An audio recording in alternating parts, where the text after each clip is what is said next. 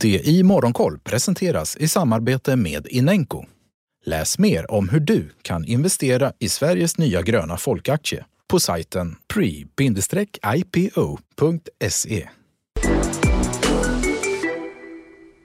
God morgon, välkommen till det i Morgonkoll. Uppåt i Asien, det ser ut att bli en öppning svagt uppåt också på Stockholmsbörsen efter kraftiga fallet på Wall Street igår. Och terminerna för USA-börserna pekar även de mot en rekyl upp samtidigt som vi inväntar den viktiga jobbrapporten Non-Farm Payrolls i eftermiddag.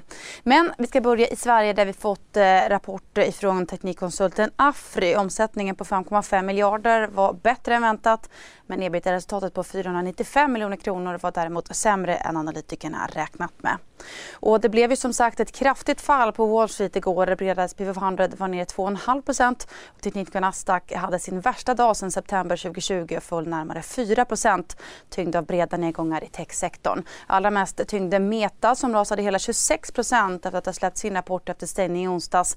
Men även andra techjättar föll tungt. Det svenska Spotify rasade 15 procent. Och om det var ras under ordinarie öppningstid så var det däremot rus i efterhanden. E-handelsjätten Amazon levererade likt Meta en lägre prognos för första kvartalet än analytikerna räknat med. Trots det så rusade aktien 15% och Snap som avslutade den ordinarie handeln ner närmare 25%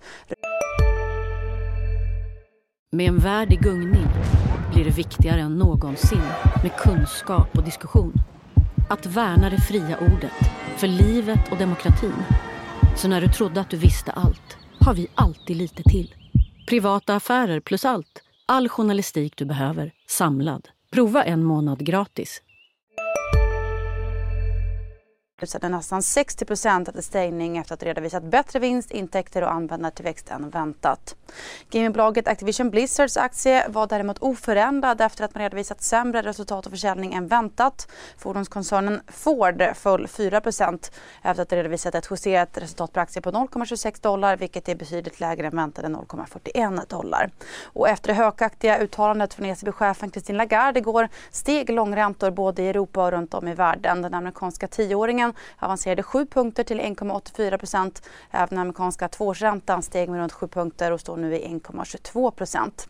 Japans centralbank upprepar däremot eh, idag sin hållning om att fortsätta med den expansiva penningpolitiken för att stötta, stötta ekonomins återhämtning från covid-19. Tokyobörsen stiger nästan 1 procent, Hongkongbörsen lyfter 3 procent och Seoulbörsen är upp eh, 1 procent idag samtidigt som börserna på Fastlandskina fortsatt håller stängt till följd av det kinesiska nyårsfirandet.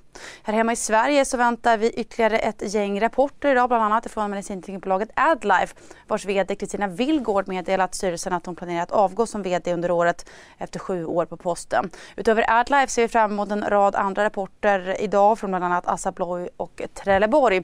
För analyser av morgonens rapportflod och intervjuer med bolagens VD för Rapportmorgon som drar igång klockan kvart över sju. Missa inte heller den viktiga amerikanska jobbrapporten Non-Form Payrolls i eftermiddag.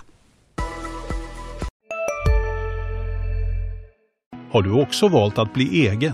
Då är det viktigt att skaffa en bra företagsförsäkring. Hos oss är alla småföretag stora och inga frågor för små. Swedeas företagsförsäkring är anpassad för mindre företag och täcker även sånt som din hemförsäkring inte täcker. Gå in på swedea.se företag och jämför själv. I de sekunderna när jag är i luften så är det en kamp på liv och död.